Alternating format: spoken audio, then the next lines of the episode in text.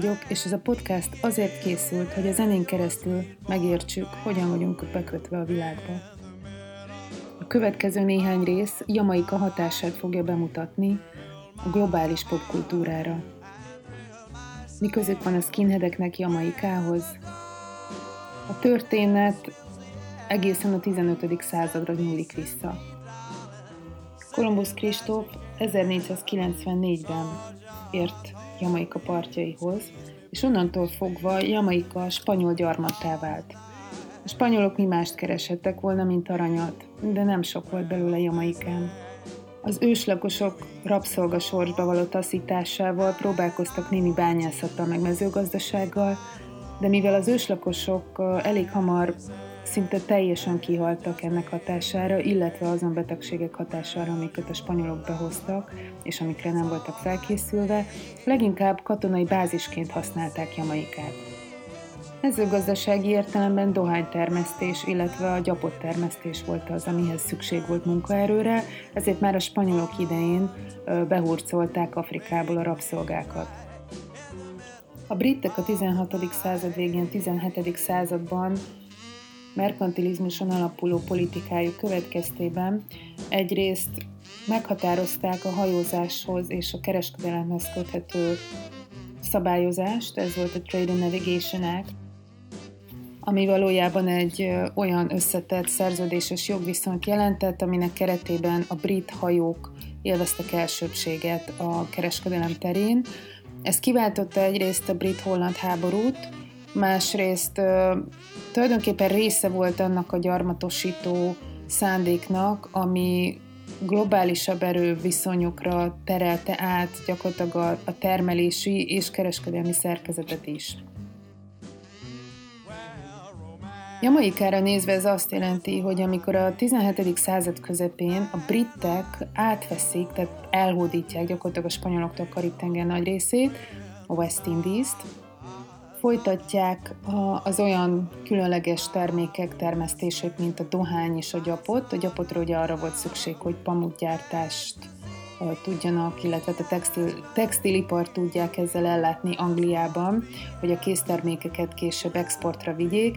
A merkantilizmusnak az volt a lényege, hogy késztermékeket exportáljon, a késztermékek behozatala hihetetlenül magas vámokkal volt sújtva, a különleges nyersanyagokat pedig a, a gyarmatokról hozzák be. És mindezt lehetőség szerint a saját kereskedelmi hálózatukon keresztül. A merkantilista, imperialista politikának a másik következménye az volt, hogy a gyarmatok kezéből is gyakorlatilag kicsavarta a kereskedelem lehetőségét az anyaországon kívül. Ez konfliktusokhoz vezetett például Amerikával.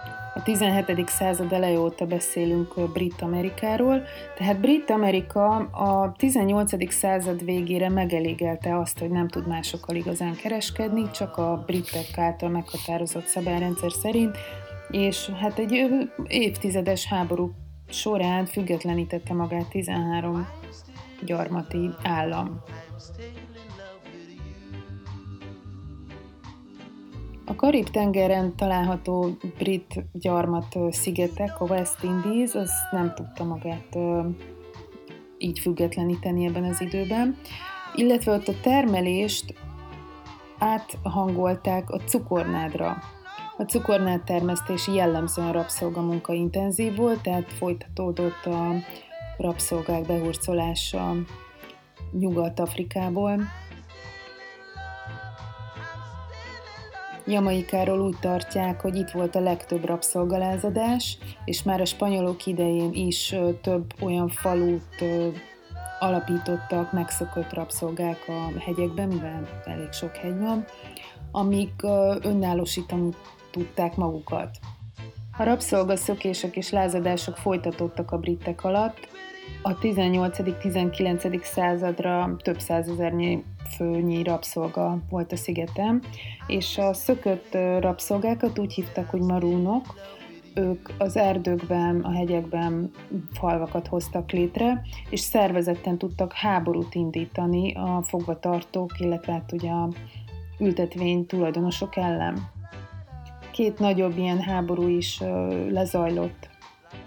Amikor a 19. század majdnem közepére, 1833-ra végre felszabadították a rabszolgákat, az nem jelentette azt, hogy szabadon élhetett mostantól mindenki, hanem még további munkára kötelezték a, a volt rabszolgákat, ami azt jelenti, hogy 4-6 évig még kötelesek voltak szolgálni. Az ilyen típusú szolgasság letöltése után sem voltak túl nagy kilátások, igazából ugyanúgy folytatni lehetett az ültetvényeken a munkát, immáron nyomott égbérért. A kizsákmányolás az igazából kiszolgáltatottságot jelent, az azt jelenti, hogy nem feltétlenül kell tulajdonosi jogokat gyakorolnia egy személy fölött a munkát elvégeztetőnek, hanem gyakorlatilag olyan munkaviszonyokat is teremt, meg olyan bérekért, amik nem méltóak ahhoz, hogy, hogy emberhez méltó körülmények között lehessen abból megélni. Illetve hát ugye a termelésnek a, a, a teljes profitja, a teljes haszna az kikerül a rendszerből, és a tulajdonosok markát üti. Ezeken a gyarmatokon nem volt diversifikált termelés, mindig egy-kétféle termékre koncentráltak. Jamaikán egyébként volt bauxit kitermelés is, az is próbálkoztak később, ami megint csak embertelen bányászati körülményeket jelentett. A lázadásokat ö, azzal próbálták meg csitítani, vagy kikerülni, vagy valahogy megoldani, hogy Ázsiából hoztak munkaerőt, úgynevezett adós rabszolgákat például Indiából, vagy nagyon nyomott bérért dolgozó embereket Kínából. Maguk az ültetvény tulajdonosok igazából már nem nagyon voltak jelen a szigeten, hanem helyi helytartóik voltak, akik irányították a munkálatokat, és a 19. század végére egy olyan lakosság szerkezet alakult ki, ami javarészt állt az afrikai rabszolgák leszármazottjaiból, meszticekből, akiket még a spanyol hódítók és a helyi őslakosok keveredéséből felnőtt generációk jelentettek, illetve a brit ültetvényesek és a volt rabszolgák közötti kapcsolatokból születettek. Már a lakosság kb. 90%-a mondhatja el magáról, hogy volt afrikai rabszolga leszármazottja. Jamaika nyelve az angol, illetve a patois, ami az angolnak és több egyéb nyelvnek a keveréke. Egyrészt ellenállásból jött létre, tehát hogy amikor kötelezve volt a lakosság angolul beszélni, akkor egy kódolt nyelvet kezdett el beszélni, illetve hát beleszőtte a különböző nyelveket, amik érték a szigetet és a jamaikai zene nagyrészt a patoá nyelvre támaszkodik, illetve hát a reginél később van még egy másik tovább fejlesztett verzió, ami a kifejezetten a rastafari nyelvből emel be szavakat, szóösszetételeket, amik további jelentéssel gazdagítják a nyelvet. A 20. század eleje sem volt mentes a feszültségektől, a különböző összecsapások, illetve zavargások jellemzőek voltak, amiket súlyosbított a nagy gazdasági világválság is a 30-as években. A szigetet sokan kezdték elhagyni, volt, aki Amerika felé vette az irányt, volt, aki más szigetek felé. A dekolonizációs folyamat volt az, ami jellemzi a 20. század elejét, közepét, 1945-re Haiti, Dominikai Köztársaság, illetve Kuba kapta meg a függetlenségét, Jamaikának a 60-as évekig várnia kellett erre. De a mai napig a második Erzsébet királynő az uralkodója, és alkotmányos monarchia az államformája az országnak. A volt gyarmatországok gazdasági szerkezetét neokolonializmusnak is szokták leírni, ami azt jelenti, hogy gyakorlatilag a termelés nagy része olyan cégeken keresztül kerül értékesítésre a globális, vagyis a világgazdaságban, aminek a tulajdonosi szerkezete leköveti a volt gyarmatosítók tulajdonosai szerkezetét. Ezek többnyire multinacionális cégek, amik a volt gyarmatosító országok tulajdonosaihoz köthetőek.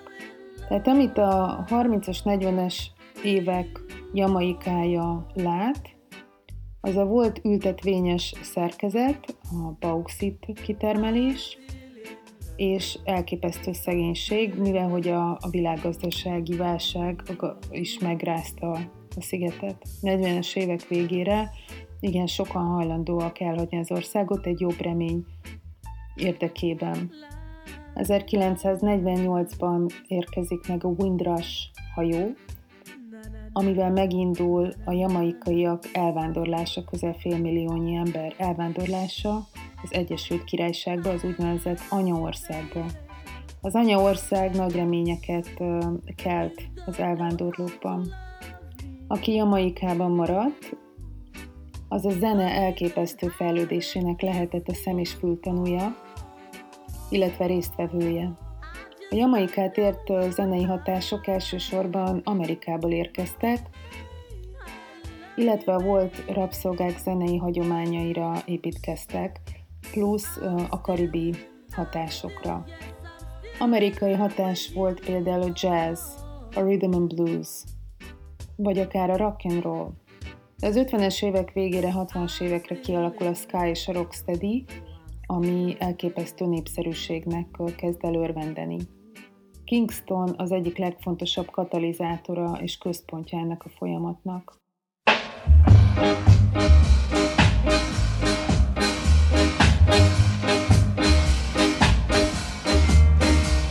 are you that I should be mindful of?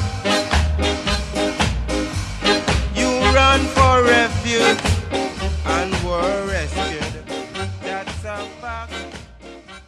Fontos szereplői nem csak a zenészek, hanem az úgynevezett rude boys, a durva fiúk, akik um, egy olyan szubkultúrát képviseltek, ami egy erőszakos szubkultúra volt, és bűnözésből él gyakorlatilag.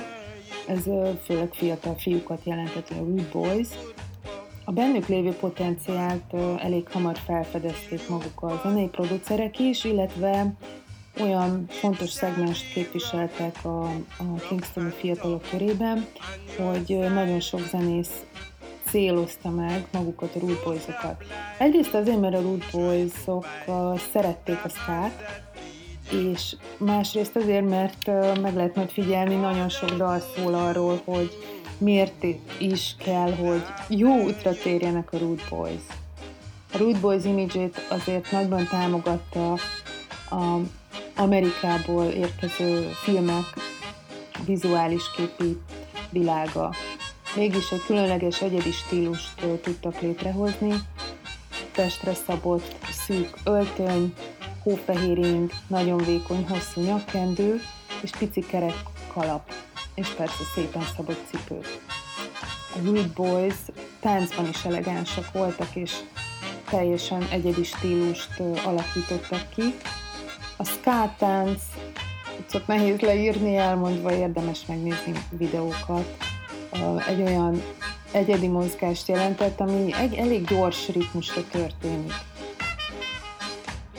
És nagyon könnyen megtanulható, alap mozdulatokból áll, amik, amik, amik ismétlődnek, és tulajdonképpen bárki által konfigurálhatóak, illetve nagyon jól lehet csoportban is táncolni. Az első ilyen szám Duke Reid producerhez köthető, aki állítólag maga is rendőr volt. 1962-ben jelent meg a Rough and Tough szám.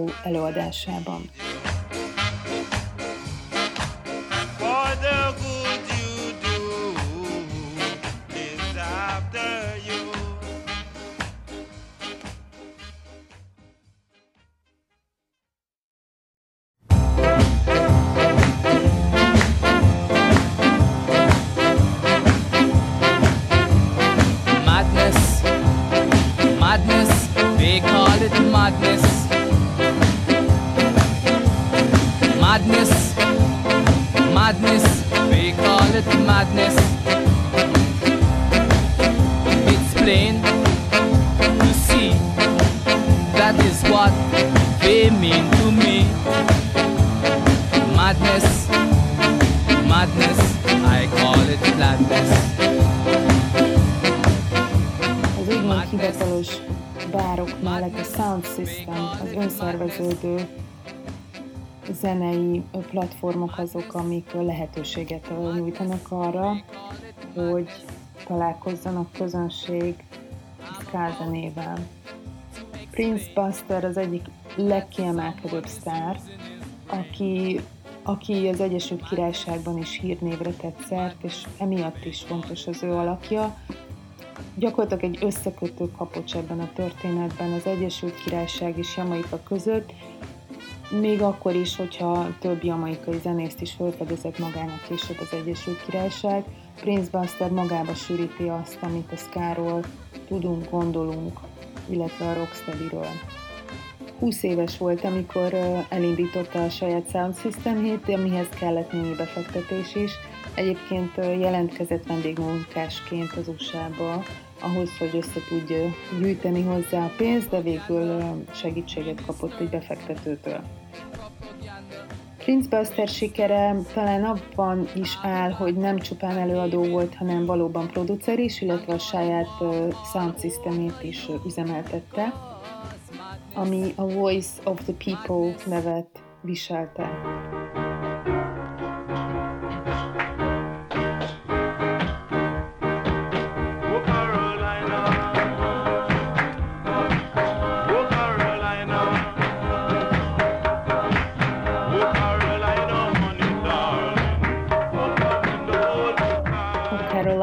Sokan ismerhetik fel a dalt, amit segített föl a slágerlisták élére 1993-ban újra.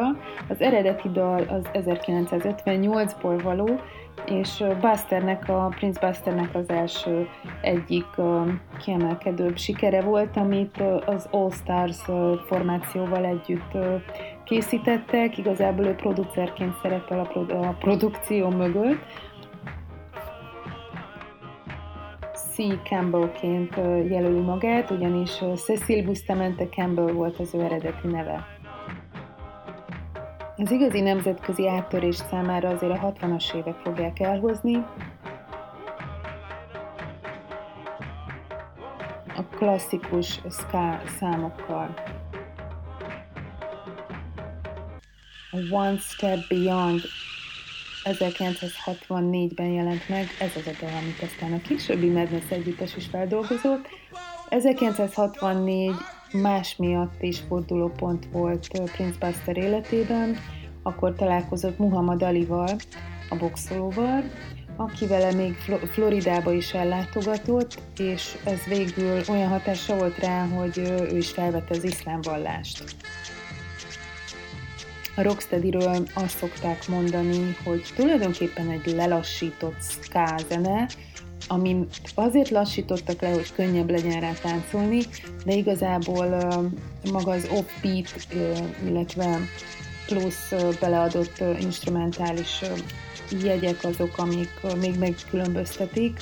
A Rocksteady királya igazából Prince Buster, az egyik uh, ilyen kiemelkedő szám az uh, Al Capone megint csak 1964-ből.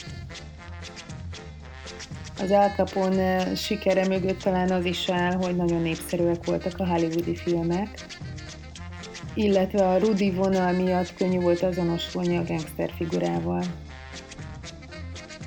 Igazából metaforikusan tekinthető, hogy Rudy számnak az Al Capone is.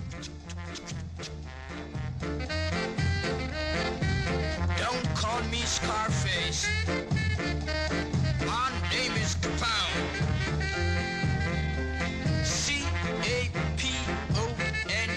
Ezt a számot is rengetegen feldolgozták. Amikor jött a váltás a Rocksteady-re, tíz évvel a megjelenése után 1974-ben a Bonnie M használta föl például, anélkül, hogy jegyezte volna rajta Prince Buster nevét.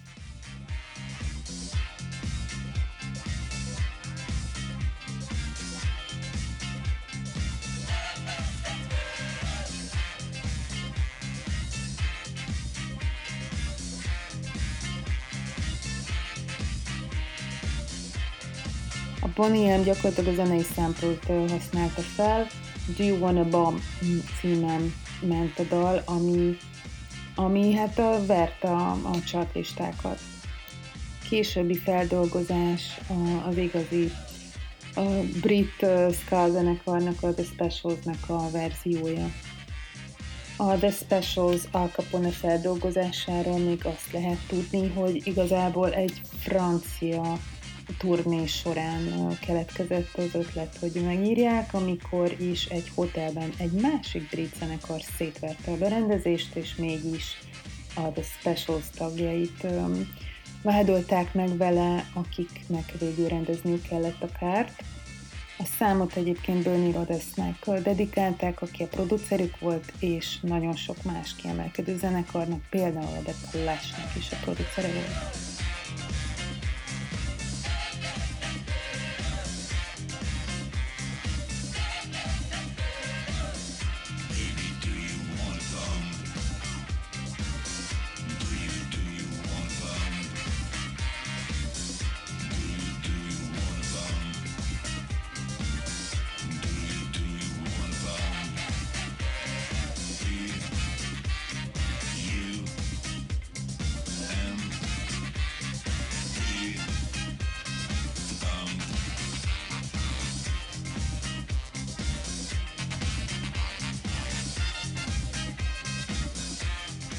Buster is játszott regit, illetve hát konvertálódott át, mivel a Rocksteady-ből egyre inkább kinőtt, megerősödött a, a regi, viszont a regi az elég, eléggé kötődött a Rastafari valláshoz, és hát Prince Buster nem tudta megszólítani azt a közönséget, tekintve, hogy az ő vallása nem a Rastafari volt.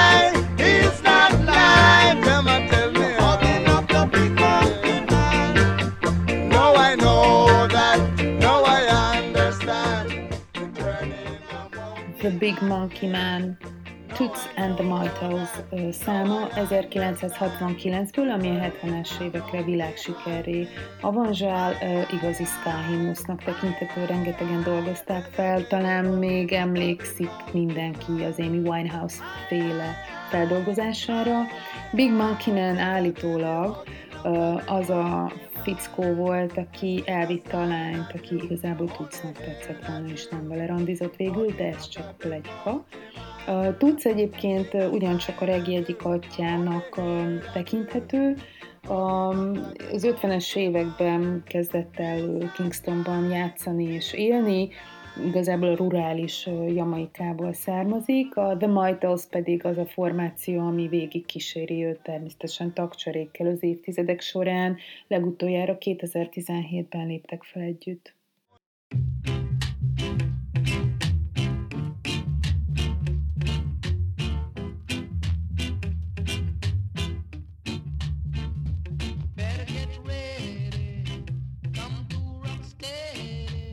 Muszáj Elton Ellis nevét megemlíteni, hogyha rocksteady beszélünk. Az I'm Still in Love with You e, ugyancsak egy olyan szám, ami a, a zene történetében többször kapott újabb és újabb értelmezést. Elton Ellis Rocksteady számával zárjuk ezt az epizódot. A következő epizód az 1948-as hunyras hajó partra szállása utáni időszakot fogja átölelni, méghozzá az Egyesült Királyságban, és megnézzük azt, hogy milyen hatással volt mocokra a zene, illetve ö, kik is voltak azok a two tones, azaz a két tónusúak.